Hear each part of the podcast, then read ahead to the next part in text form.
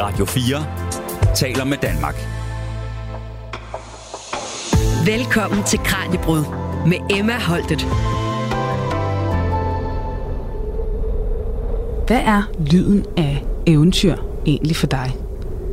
Er det en susende slæde og et galpende hundekobbel? Rumrakettens vilde brøl? Et par vandrende fødder på vejen? Lyden af årene, der bryder vandet eller sejlet i vinden?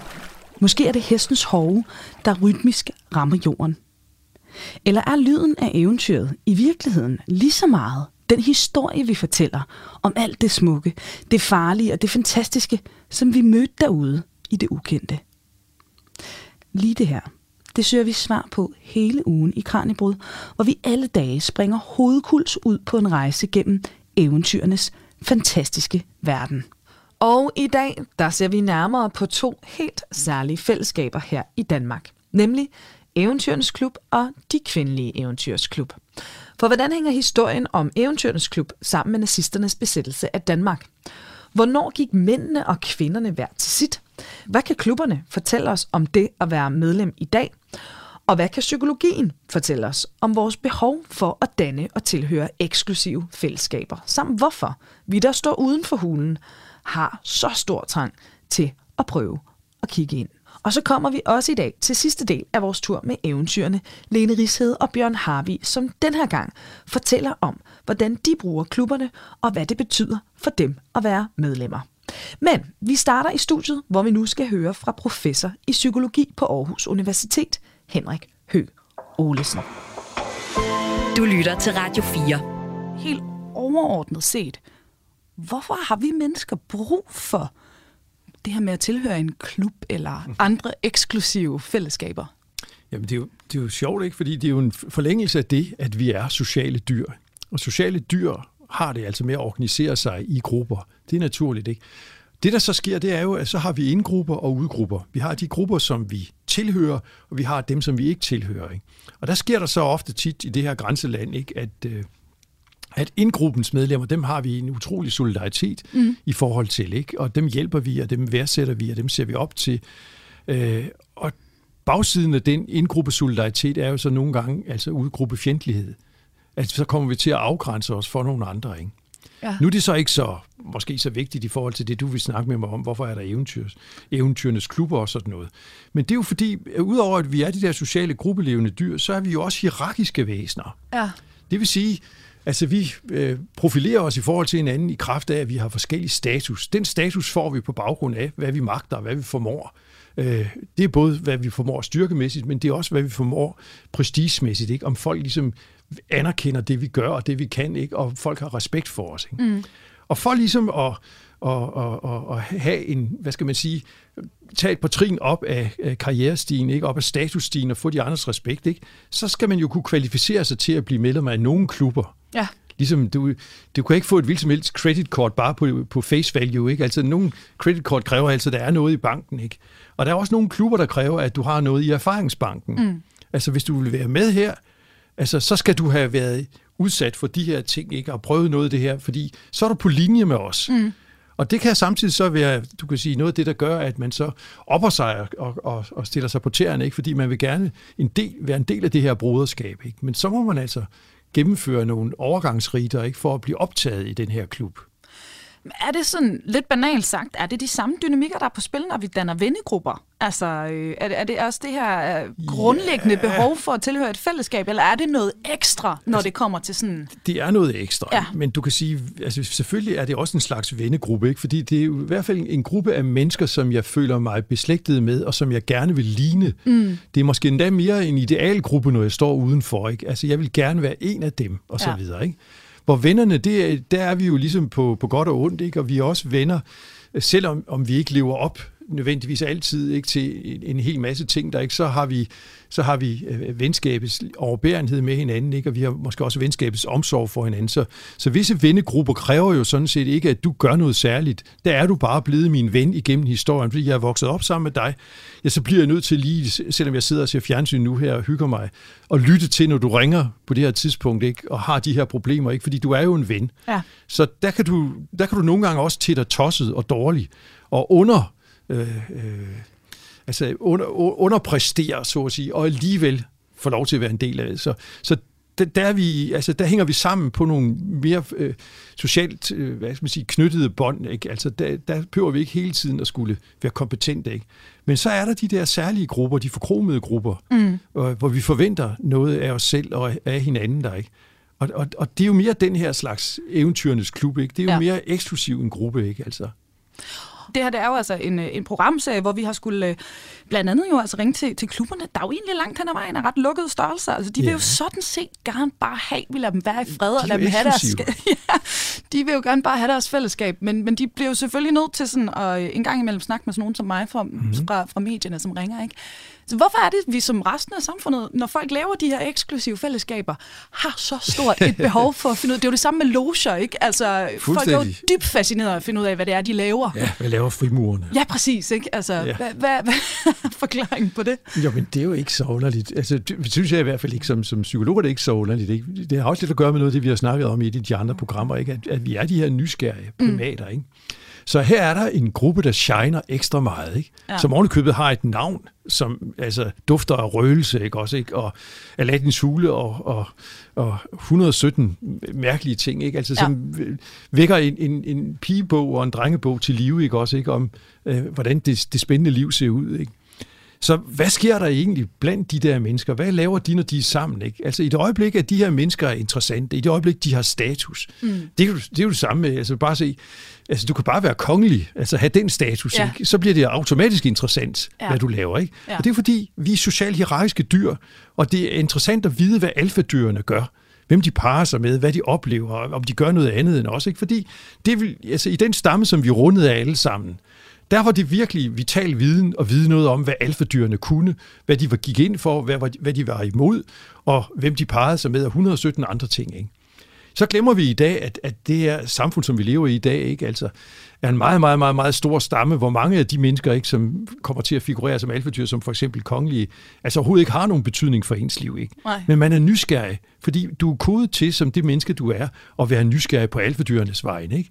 Og Eventyrenes Klub er en samling af alfadyr, ikke? Mm. som er, øh, så står en ganske særlig øh, skær af røgelse og, og, og eventyr omkring. Ikke? Og der er vi selvfølgelig nysgerrige. Hvad, hvad gør de så, når de er sammen og så videre? Ikke? Hvad, hvad sker der her? Ikke?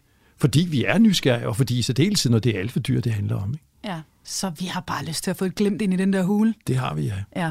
Og jamen, det håber vi jo så, vi, øh, vi får her i, øh, i løbet af dagens program. Henrik, tusind tak igen, igen, igen for at være med. Det var så.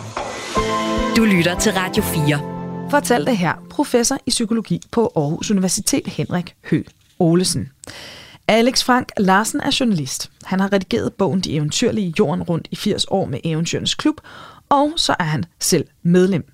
For at forstå, hvordan klubben i sin tid startede, så fik jeg vores reporter Kasper til at ringe til Alex, der her fortæller om sammenhængen mellem opløbet til nazisternes invasion af Danmark og det her helt særlige fællesskabs fødsel.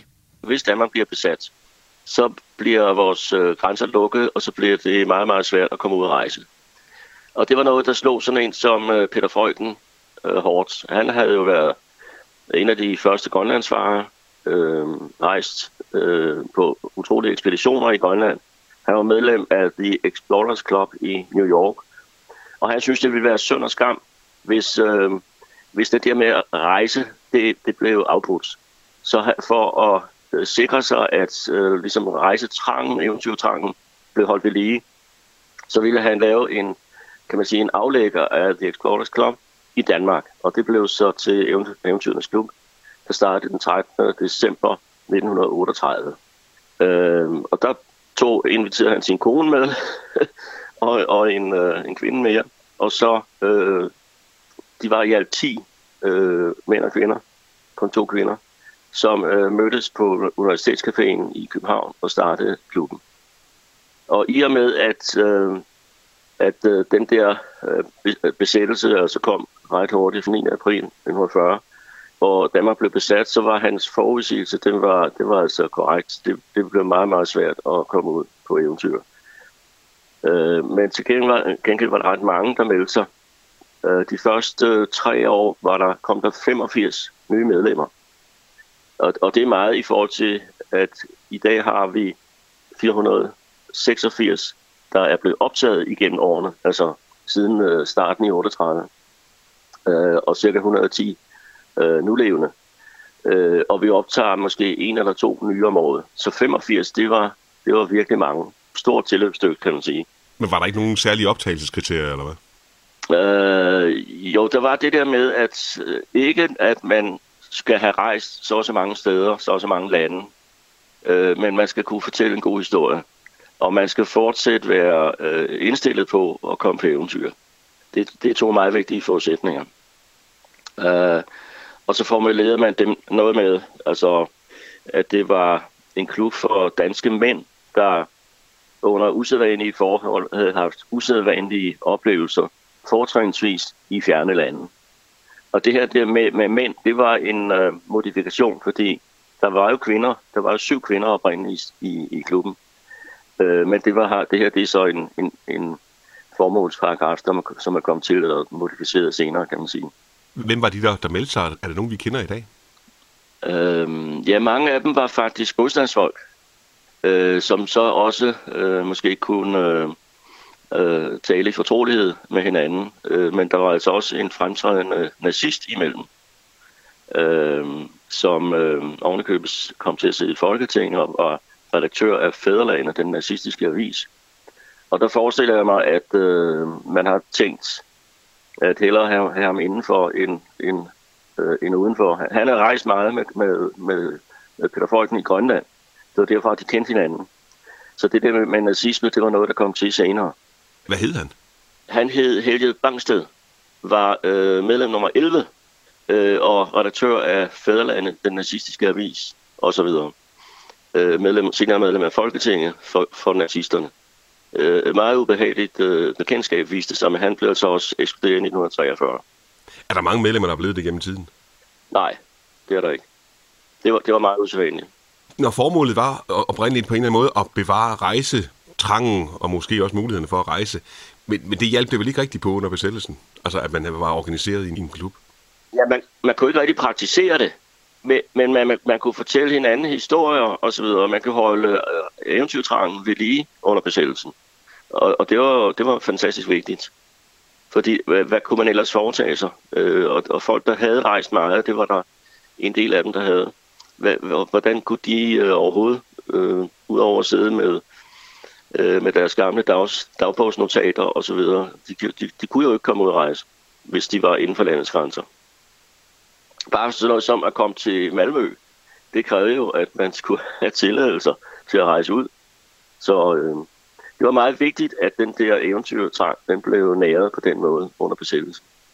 Dagens eventyrens synes du, at den minder om, om den, den gang?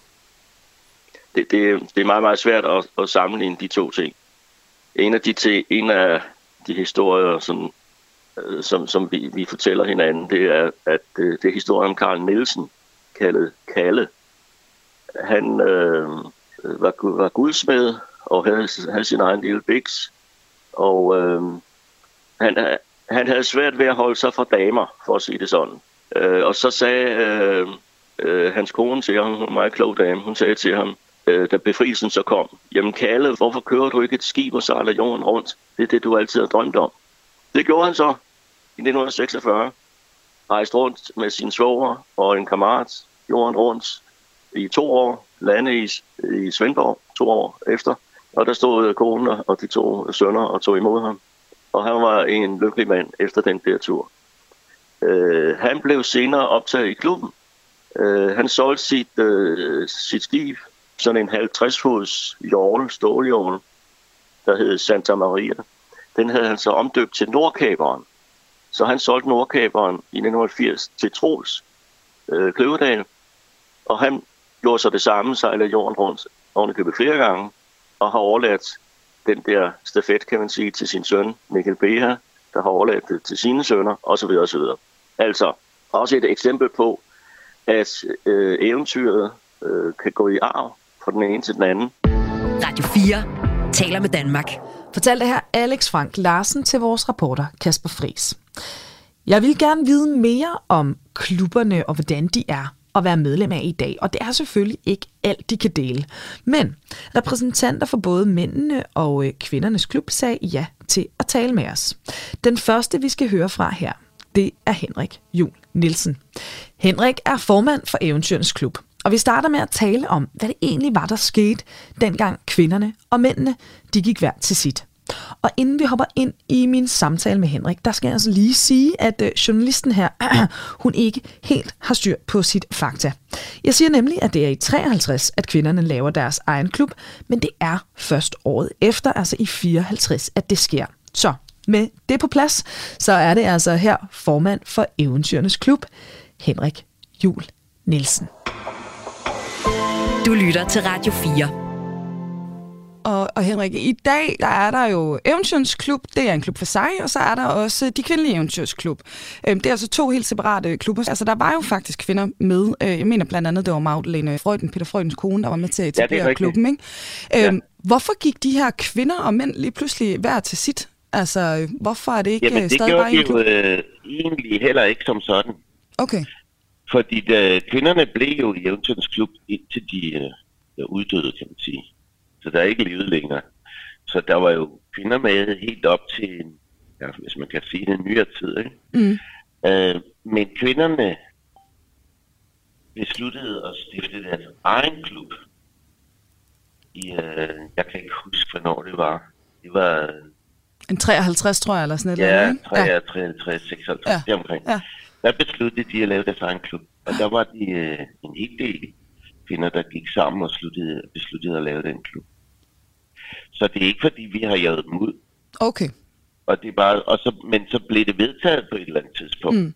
at man ikke, øh, fordi kvinderne jo også ligesom havde deres egen, og måske endda tidligere, der var bare ikke særlig mange kvinder, der på samme måde måske øh, faldt ind under det, man dengang forstod som eventyr.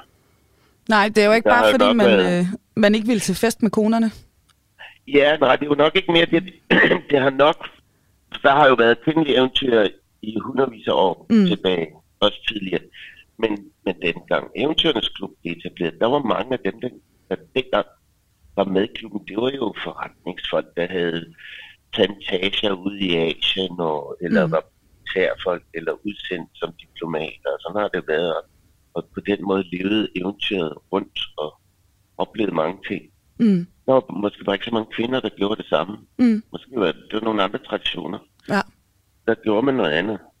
Men der er jo ikke nogen tvivl om, at der er masser af kvinder, der har gjort spændende ting. Og derfor så kom det op i tiden, at der har jo været nogen, der har sendt sin vis, lavet der også bare en klub. Mm. Så de gjort det. Og, og så, øh, ja, vi ses jo af og til. Der er mange Ja. af dem, der er medlem i kvindernes eventyr, der, der har en mand inde hos os. Mm. Og omvendt er det sådan, at nogle af dem, der er inde hos os, har en kæreste eller kone inde i kvindernes eventyr. Mm. Sådan mere eller mindre tilfældigt, eller hvordan det nu er, ikke? Ja. Så I har stadig noget at gøre med hinanden, men, men det er altså i dag to, to separate klubber. Ja, to helt separate Ja. klubber. Ja. Og, og hvilke type eventyr er det, der præger eventyrens klub i dag? Det øh, er nok et svært spørgsmål, men kan du prøve at sætte et par ord på, hvad det er for nogle, nogle typer af, af eventyr, I har i klubben nu? ja, det kan jeg godt. Øh, det, det er svært, fordi vi er jo inde i vores klub, Eventyrens Klub, der, mm. der definerer vi jo eventyret sådan som noget, man søger ud og laver af, af lidt usædvanlige oplevelser. Ja. hovedsageligt uden landet, ikke? Men det er ikke noget krav, at man skal være, på, være fra udlandet, eller have gjort det i udlandet. Man kan lige så godt gå på eventyr i sin baghave. Mm. Vi har faktisk en af vores rigtig gode medlemmer, som bruger det som sit mantra, at eventyret er i baghaven også, ikke? Ja. Så, så det er noget med, hvordan man leder efter det, Mm. og, og hvordan man udlever det. Vi går også meget op i, at dem, der er medlem inde hos os, de er nogle gode kammerater til resten af klubben. Ja. Så, øh, men, men dem, vi har i øjeblikket, det er svært at sige, fordi vi har jo nogen, der... Vi har nogen, der er gamle. Det er næsten, de kunne lige så godt have været med næsten fra starten. Ikke? Mm. Mm. Altså, vi har jo nogen, der er over 90, som kommer næsten hver gang her lige til vores møder og er meget aktive. Ja, okay. Og Ja. så har vi jo nogen, der er yngre. Jeg tror, de yngste er måske slut 30'erne eller sådan noget. Ikke? Mm. Øhm, vi har, vi har nogle det, er meget, det, det er meget bredt. Ja. Vi har nogle naturbeskyttere som selv, hvis man kan sige det på den måde. Jeg arbejder inden for naturbeskyttelse, ressourceforvaltning, øh, biologi og så videre. Vi har, så vi har en håndfuld biologer. Vi har nogen, der arbejder med zoologiske haver Mm. rundt omkring i Danmark og udlandet også. Øh, så er der, det ved jeg ikke, om jeg fik nævnt, sådan uh, naturfotografer, der er bjergbestigere, der er nogen, der forsøger at finde indvendigt den indre siden af bjergene hulerne. Mm. Øh, ja, så har vi nogen, det er også interessant, fordi vi har også nogen, der ligesom, eller i hvert fald en, der dykker ned i litteraturen og finder eventyr der. Okay. Så det er jo også interessant. Vi Ja. ja. har kunstner, som lever et livet der i den verden, der har med kunstens verden at gøre. Ja. Og så, så har vi nogle en, ja, vi har kun en, der fiser ud i rummet en gang imellem, ikke? Ja, det må være Andreas Mogensen, eller hvad? Der... Ja, det er det. Så, øh, så man kan sige, og så har vi nogen, der dykker. Mm. Altså, der dykker over det hele. Der, vi har en, en rigtig god klubkammerat, han dykker alle steder. Mm. Han har efterhånden snart dykket i samtlige lande i verden. Det er i hvert fald et af hans mål. Ja. Øhm, men han finder jo, så der kan man jo sige, de finder jo forskellige verdener. Ja. Uudforsket. Mange af stederne under havet er jo ikke besøgt af mennesker før. Indvendigt i bjergene, dybt ind i hulerne er jo ikke besøgt af mennesker før. Der er nogle gange, de kommer ind, hvor der aldrig nogensinde har været noget. Nogle mennesker før, ikke? Og så er der jo oppe i rummet. Der er heller ikke så mange. Ej, det de kan man ikke påstå. Ja, ja og det, ja. det vil jeg egentlig gerne spørge om, fordi altså, netop nu snakker vi jo om, at dem, der har grundlagt klubben, det er jo blandt andet altså Peter Freuden og, og de her polarforskere, og, øh, og den bevægelse, der ligesom dengang altså, var i forhold til at udforske det her område. Det her med, at man ligesom gør noget, nogen ikke har gjort før, eller i hvert fald meget få mennesker har gjort før, er det ligesom et kriterie, før det er et, et eventyr på en eller anden måde, at der skal være et eller andet nyt i det? Altså, Nej, det er det ikke. Nej. det er der ikke. Jeg tror, når folk gør det, så er det fordi, det er muligt. Mm. Altså man kan jo sige, man kan jo også bare gå den nemme vej op på toppen af et bjerg. Man behøver jo ikke at tage den lodrette klippevæg, hvor man risikerer at falde ned og dø af det. Så det, det har noget, men mennesket gør jo ting, fordi det er muligt, eller vil prøve at se, om det kan Mm. lade sig gøre. Ikke? Mm. Så nej, det er ikke noget kriterie. Nej. Kriteriet er mere, øh, tror jeg, altså vi har jo ikke, det er jo ikke sådan noget sådan særligt fast. Det er det, at man, øh, man søger eventyret og, og, er i stand til at finde det. Trods det, at verden måske på nogen måde bliver mere og mere åben. Ja. Som det bliver nemmere og nemmere. Jeg se selv, da jeg for 40 år siden, næsten 30-40 år siden, skulle til i den sydlige del af Afrika første gang, det tog nogle dage. Mm. Altså 30 år før havde det taget en måned måske. At komme til samme destination. Og nu kan man sige, nu kan man da komme derned. Der er jo rutefly næsten dagligt til mange stationer. Nogle gange to gange om dagen til rundt omkring i verden. Ikke? Mm. Så det, det er jo noget med også at møde folk, møde fremmede kulturer. Ja. Og det kan man jo også gøre i vores eget land, måske nogle gange.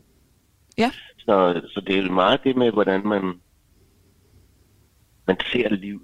Hvordan Mm. man lever livet. Mm. Og er i stand til at, at opleve en masse. Og, og gå på eventyr. Man kan bare se på små børn. De er jo gode til at lege eventyr. Mm. I skabe? Mm. eller noget, hvor der er en hul.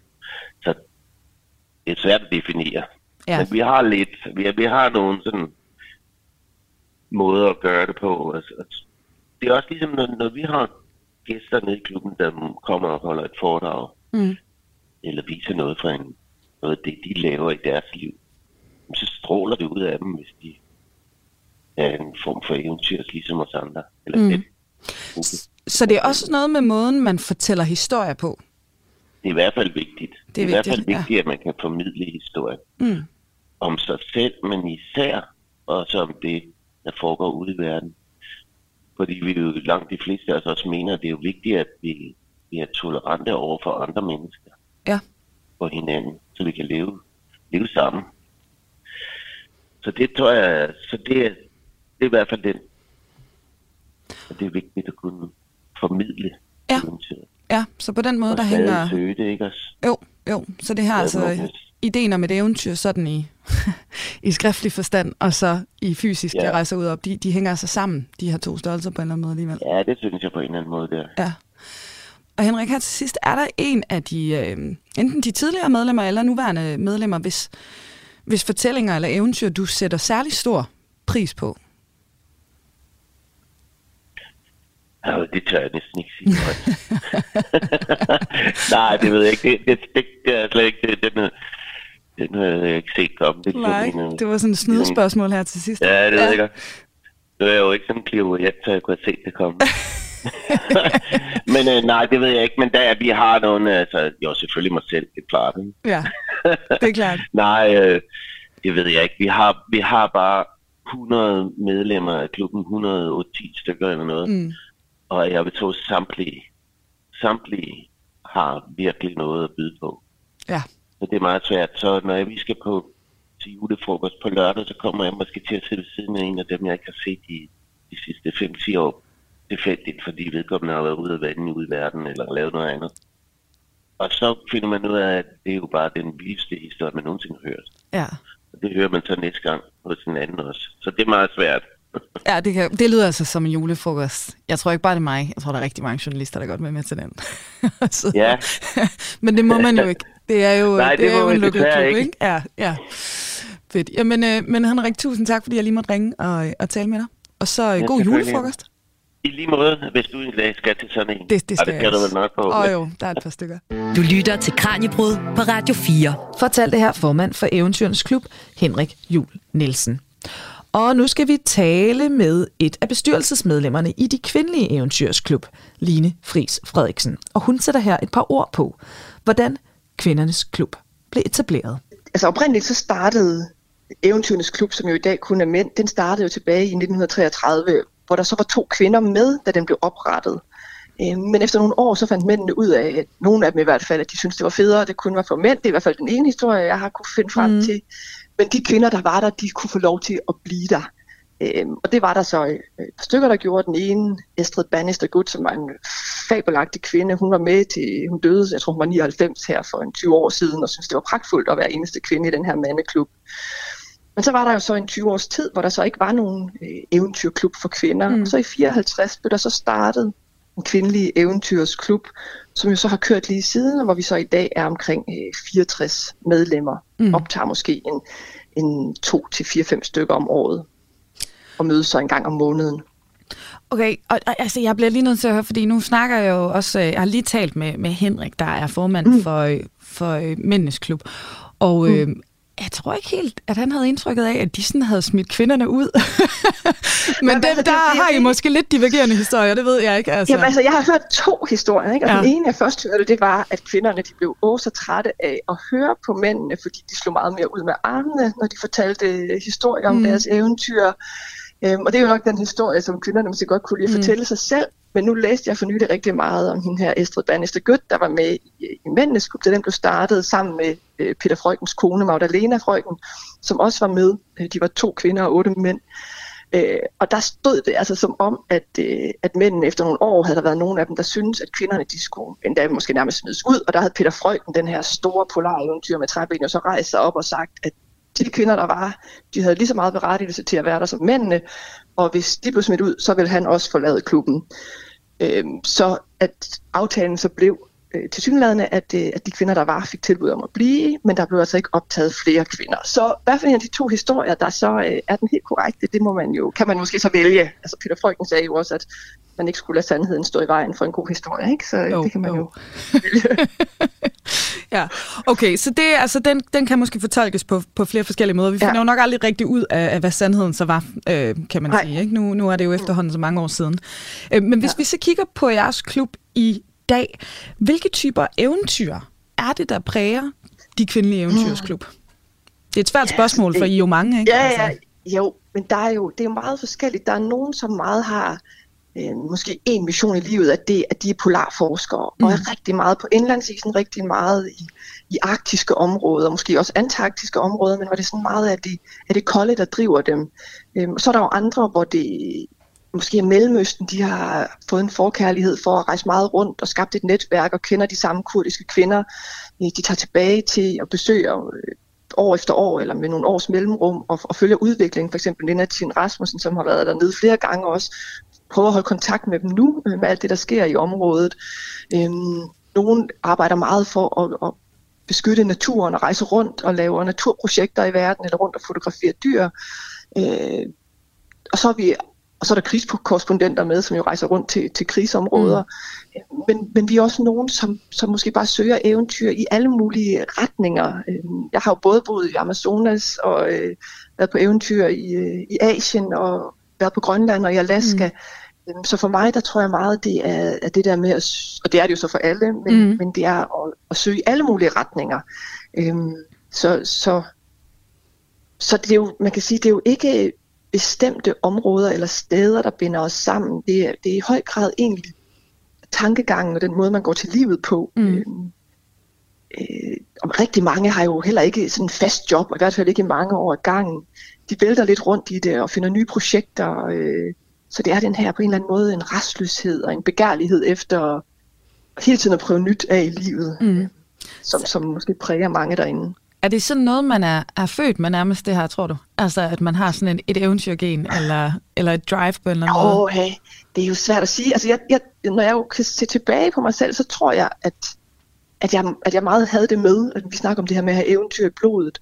Og jeg tror for mange, at det er et eller andet, du har med. Så kan det jo godt være, at nogen har levet fordi det ikke har været praktisk muligt at komme ud, at de har levet sådan mere almindelige liv de første mange år af deres liv, og så er det mm. måske først, når de er blevet teenager og har mulighed for selv at rejse ud, at de har opdaget, at der fandt de ligesom det, der, der drev dem og gav dem glæde og værdi i livet. Øhm, og der er jo også kvinder, der bliver optaget, som er 50'erne eller 60'erne, mm. og siger, at det er første gang, de ligesom oplever, at de, at de er i et fællesskab, hvor de føler, at at, at de bliver forstået, ja. og at man kan dele de ting, der, der ligger en på sinde, og de, og de tanker, man har, fordi ellers så kan andre måske have det med at leve øjenbryn, eller synes, det er mærkeligt. Øh.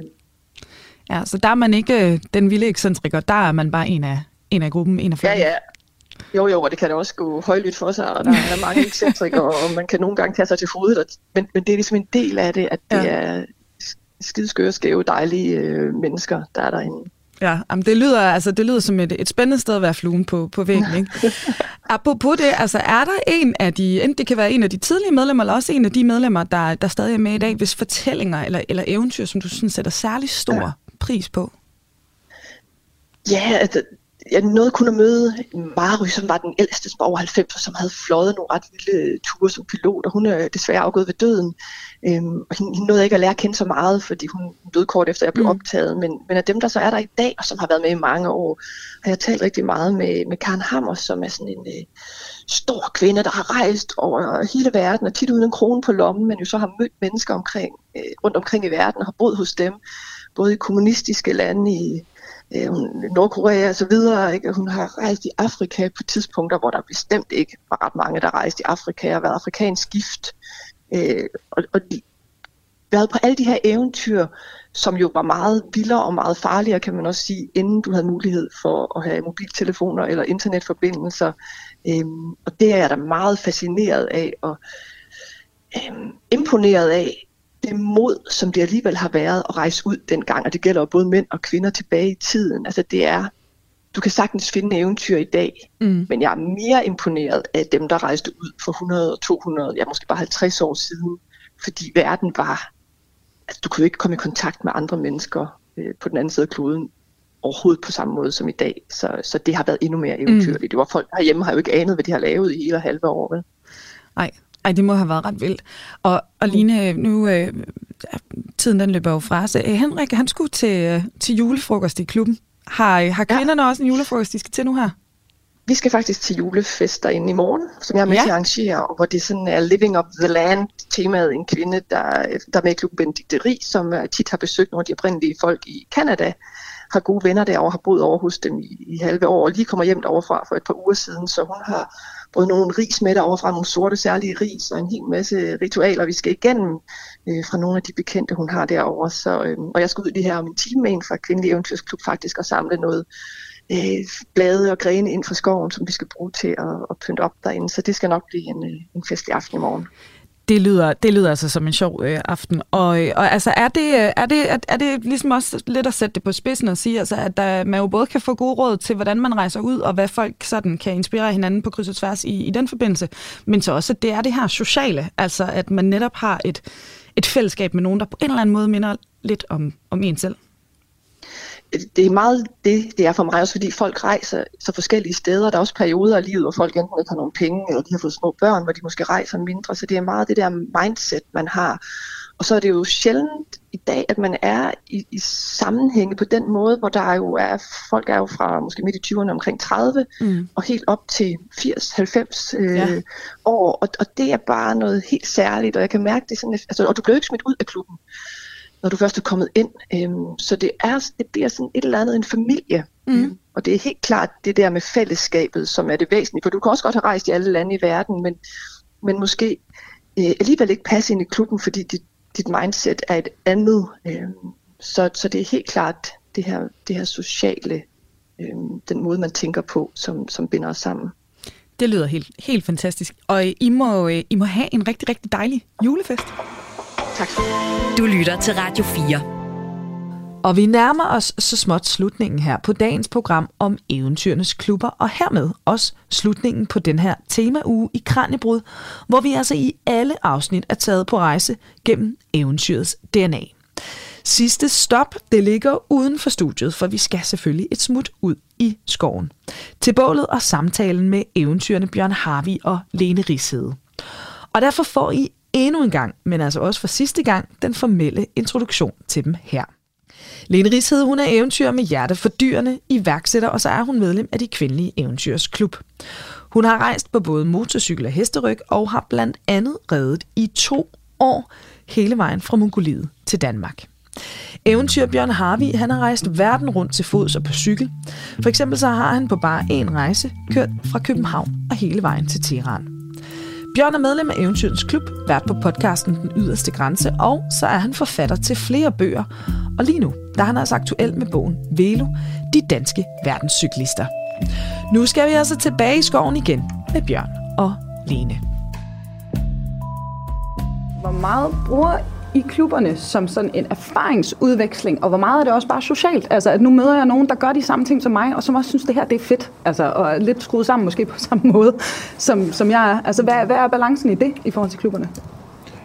Jeg tror mest det sidste. Jeg tror ja. virkelig, at folk, i, altså de gutter, jeg kender, og jeg kender jo rigtig mange af dem. Jeg har været meget, meget aktiv dernede i mange år. Jeg sidder 11 år i bestyrelsen, var næstformand 3 år, var formand 2 år mm. i en ung alder.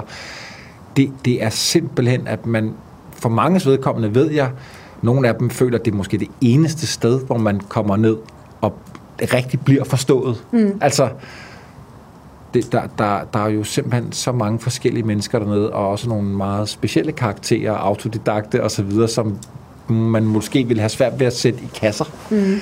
Og, og jeg tror bare, at de, de føler, at der er sådan en, en, øh, en forståelse i klubben, mm. som de ikke møder andre steder. Ja og man kan tillade sig at tænke lidt skævt og lidt skørt, og lidt anderledes, og blive forstået. Hvad med dig, Line? Hvad tænker du? Jamen, jeg tror faktisk, jeg giver Bjørn ret, at det er det samme. Øhm, ja, og så gør jeg det, jeg gør det selvfølgelig, hvis jeg har en eller anden tanke om noget, sådan, åh, den kan jeg ikke lige få til at øh, passe sammen. Ikke? Altså en eventuel rejseplan, eller der skal bindes tanker, så er det også klart klubben, jeg søger. Mm. Men der kunne jeg nu også finde på kontaktmændene. Der behøver det ikke at være sådan fokuseret på kvinderne. Men det er klart, at det er det forum, at tingene starter, fordi man har forstået, mm. så man kan lufte en tanke. Ikke? Ja. ja. Hvordan var det for jer begge to? Altså Bjørn, du var jo det yngste medlem, ikke? da du blev, blev medlem. Jo, jeg er i tvivl om, jeg er det yngste medlem nogensinde, der blev optaget. Det tror jeg ikke, men jeg, da jeg blev optaget, var jeg det yngste medlem, ja. der så var medlem i klubben på det tidspunkt. Og du har været den yngste formand, ikke? Du må jo, det tror jeg. Jeg, har, jeg sad og rode med det. Jeg tror, jeg er den den yngste formand. Du var formand i to, to år? Eller? Ja, ja, vi er det et år i gangen, mm. og så skulle jeg afsted på en lang rejse med min familie i et år, så der, så der skulle jeg jo afsted. Mm. Ja, det er, altså for mig har det simpelthen bare været helt fantastisk at kunne være en del af det kammeratskab og den historie og de mennesker dernede. Altså, jeg elsker jo at fortælle historier, jeg elsker at høre historier og jeg elsker at være en del af en historie, og det bliver man dernede. Det, mm. det, det er simpelthen, jeg synes, det er helt unikt, og jeg synes, det er helt utroligt, at vi i lille bitte Danmark har så mange, synes jeg jo, spændende mænd og kvinder, og, og så meget indsigt, og så meget øh, sådan fordybelse i alle mulige... Altså, vi har jo nogen, der ved Ja, alt mm. om ingenting Altså, der, der, der har jo stået folk i Eventyrens Klub og fortalt om, at nu har de sejlet den der lille biflod, og der var så- sådan og sådan, og så er der en, der ligesom har, har råbt, når man hørte du så den og den fugl, eller nej, men det kan man ikke, fordi der er blevet bygget det og det, så den passage er lukket, og man tænker, what the hell, ikke? Altså, der er sådan en, øh, og det var jo det, som, som klubben blev stiftet ud fra, altså Peter Freuchen i 38, der stiftede klubben, og ligesom var bange for, at, at verden, verdenskrig ville, ville, ville sætte en stopper for den der indsigt og forståelse og nysgerrighed på verden. Mm. Den blev bygget ud fra netop det, Ja. at man ville verden, man ville forstå verden, man havde respekt for den, og man havde respekt for alle de folk, man, man havde rejst det blandt. Ikke? Det var Mm. Peter Freuchen jo et fantastisk godt eksempel på. Han har jo, jeg har lige genlæst den der, hans, min grønlandske ungdom, som er hans sådan en biografi der, ikke? Sådan en tobindsværk, og han har jo en ekstrem respekt for for grønlænderne var jo selv gift med Navarraner, der var grønlænder, mm. og han har også nogle ret fine små historier, hvor han jo møder danskere deroppe, der taler dårligt om grønlænderne, og han jo næsten kommer op og slås med dem, udviser med sit hus. I skal ikke sidde og snakke dårligt om grønlændere. Det var jo formentlig ret kontroversielt tilbage i, øh, i i starten af 1900, mm. ikke? Så den er jo blevet bygget med, med det, at, at, at man ville gøre en forskel og være Mm. god ved verden. Det synes jeg er rigtig, rigtig smukt, og det har vi jo rigtig mange levende eksempler på i klubben stadigvæk. Nogen, der har gjort en forskel derude. Ja. Det er det der med at have, have hjerten på og tænke, det går, fordi mennesker er jo grundlæggende gode, og det jeg møder, det kan sikkert være godt. Altså, det er også stadig den der jo, ikke? som I, mm. I har i klubberne. Ikke? Mm. Altså, Du lytter til Radio 4. Bjørn, du gjorde jo rent, ikke? som jeg forstår det, og øh, fikset ting, og sådan, inden du blev medlem Ja, jeg i boede, klubben. jeg boede ikke? jo i baggården nede i Nyhavn. Ja. Jeg tror nu, jeg bilder mig ikke ind, det var derfor, jeg blev optaget. jeg, tror, jeg ved sgu ikke, om det kunne huske mig. Ja, ja, jeg, jeg boede i, øh, i baggården i Nyhavn der, øh, lige da jeg flyttede hjemmefra, da jeg var 20. Mm. Min kæreste boede inde i baggården, havde et lille bitte, sådan et, altså virkelig sådan, hvad jeg vil sige, old school københavnerlejlighed. Det har det jo ikke været, fordi så lang tid siden er det jo ikke. Mm. Men der var ikke noget bad, så vi stod jo i, i køkkenet med en slange på, på hanen, og så i en balje, og Ja. altså virkelig nedslidt. Og så øh, serverede hun i klubben med en veninde. Og så blev jeg sådan alt mulig mand Ja. derovre. Så jeg gjorde rent og lagde snapsen på køl og skiftede pærer og, og sad også og bladrede i alle bøgerne op i arkivet. Og så gik der jo nogle år, og så tog jeg selv på lang fart. Men hvor meget var det med til ligesom at få øjnene op for det der? Altså, eller var det bare, var det bare tilfældigt? Altså, eller har det, har det haft en indflydelse, tror du? Øh, det, det, er, ja, det fik mig ikke til, at nu skulle jeg rejse, men jeg var virkelig betaget af de der mænd, der gik Mm. igennem gården, og de der historier, jeg hørte dernede. Altså, øh, og holdt også ret meget øje med min kæreste, når hun var. Og spændende, spændende, eksotiske, øh, berejste mænd, der Ja, de skulle lige fortælle nogle historier, ikke? Ja, ja. ja. Ja. De kan stadig huske hende. Nå, hvordan går det derhjemme? Og sådan. Ej, stop, stop. men, øh, men nej, det, jeg, jeg, det var ikke det. Det var, det var faktisk en bog, jeg læste med sammen, en, en kammerat, der også har læst den samme bog, hvor vi bare tænkte, kan man det? Kan man rejse ud i verden på cykel mm. i Mm. Pakistan, i Kina? Vi skal afsted. Og så gjorde vi det. Så det var ikke klubben som sådan, der sparkede mig afsted. Det var det ikke. Mm. Og hvad med dig, Line? Det lød som om, det, det har du ikke haft, for, øh, da du rejste ud, det her med, Nej, nej, med eventyrens klub. det ikke min tanke. Nej. Det har jeg faktisk ikke. Øhm, nej. Jeg var sådan meget mere optaget. Jamen, det var jo... Altså, jeg, det var jo en tegneserie, jeg læste som barn. Mm. Det var jo sådan virkelig sådan helt inderst inde. Det må jeg altså simpelthen prøve, det her. Og så fordi min mor sagde, jeg tror, at du dør ung, så du bliver nødt til at udleve din drømme. Og det har hun jo så, ja, okay. Hvorfor sagde, hvor, hvorfor sagde hun det? Øh, fordi jeg lå på hospitalet, jeg havde fået en blodprøve i hjernen, og var altid stresset, kom altid galt afsted. Så det var et... Øh... Okay, så det var alvorligt ment, at ja, hun ja, sagde... det var det øh, faktisk. Det mente hun øh, temmelig, temmelig seriøst. Og det må jeg jo give en ret. Det, det er da også rigtigt. Må jeg simpelthen se at komme i gang. Ud af starthullerne. Så, øh, men jeg lever jo endnu. Troede du skulle dø, da du var i Mongoliet? Nej, jeg tror, hun, hun har tænkt, at jeg er sådan en ulyksbarn. Altså, jeg, jeg kom altid galt afsted som barn, ikke? Det var, jeg var den der... Nå, er det hende igen, ikke? Jeg havde næsten mit eget værelse på hospitalet, vil jeg sige, fordi så skvattede jeg på en crosser, og så styrede det med en hest, og så blev jeg kørt ned, og så dit du den datten, ikke? Det gik altid lidt i ged med at styre de to korte ben her. Og så, og så, jamen, øh, så var der meget sport, og altid den der sådan bullerbassen, der vil, og så, så begyndte arbejdslivet. Og det var jo også bullerbassen, det var jo stress, der udgjorde det her. Og du har lavet tv-produktion ja, ikke, på det tidspunkt? Og, nej, på det tidspunkt, der var det reklamebranchen. Nå, det var faktisk. reklamer. Ja. ja. Og, øh, og så tror jeg bare, at min mor har tænkt, altså hun er så fuld af energi, og, hun, og jeg havde jo hest, fra jeg var barn, ikke? Og, og hun, hun ved det hele, og hun hænger altid ude i skoven og synes, at det er en fest, og nu farer hun rundt i storbyen, og, og jeg rejste jo også meget, men det var sådan mere civiliseret, ved jeg du ikke, men altså, jeg var i hvert fald ikke til hest. og øhm, når jeg, og der havde jeg reddet rundt i Europa, som jeg, jeg tror simpelthen, mor hun bare tænkt, der, der er meget mere at gå til hende, der er mange andre ting, hun skal og hun vil, og det, og det bliver nødt til at fortælle hende, at det skal hun altså gøre, før det er for sent. Så, så det gjorde hun. Det er virkelig vildt. Altså. Ja, det er jeg enormt glad for. Altså, det er det faktisk, fordi jeg tror, måske er jeg nok tilbøjelig til at være karrierefræseren, der så var blevet ved til at øh, var løbet ind i en rigtig mur, ikke? Det er sådan den modsatte historie af, hvad man hører fra de fleste mennesker med deres forældre, ikke? Altså, som netop have sagt, nu skal du passe på din uddannelse eller karriere eller sådan noget. Jamen, det, havde, det har de jo sagt hele tiden, så det ja. har de nok opgivet. Vi kan ikke blive ved med at sige det samme. Hun fatter ikke brik. så, så øh, ja. Jeg tror, det er det. Ja. Jamen altså, øh, vi skal til at slutte af. Og det er jo svært at slutte det her af, for man kan jo blive ved med at hive historier ud af jer. Og hvis nu der sidder nogen, fordi nu, nu hører vi jo, at du, for dig der var det en tegneserie, der sætter det i gang, Lene. Ikke? Og Bjørn, du siger, for dig der var det en, en bog. Hvis man skulle komme sådan, hvis nu lytterne de gerne vil nørde ned i noget eventyr, fedt, det kan være fiktion, det kan også være altså, rigtig rejsebeskrivelse eller noget andet. Hvad er jeres sådan yndlingshistorie? Hvad med, hvad med din, Bjørn? Uh.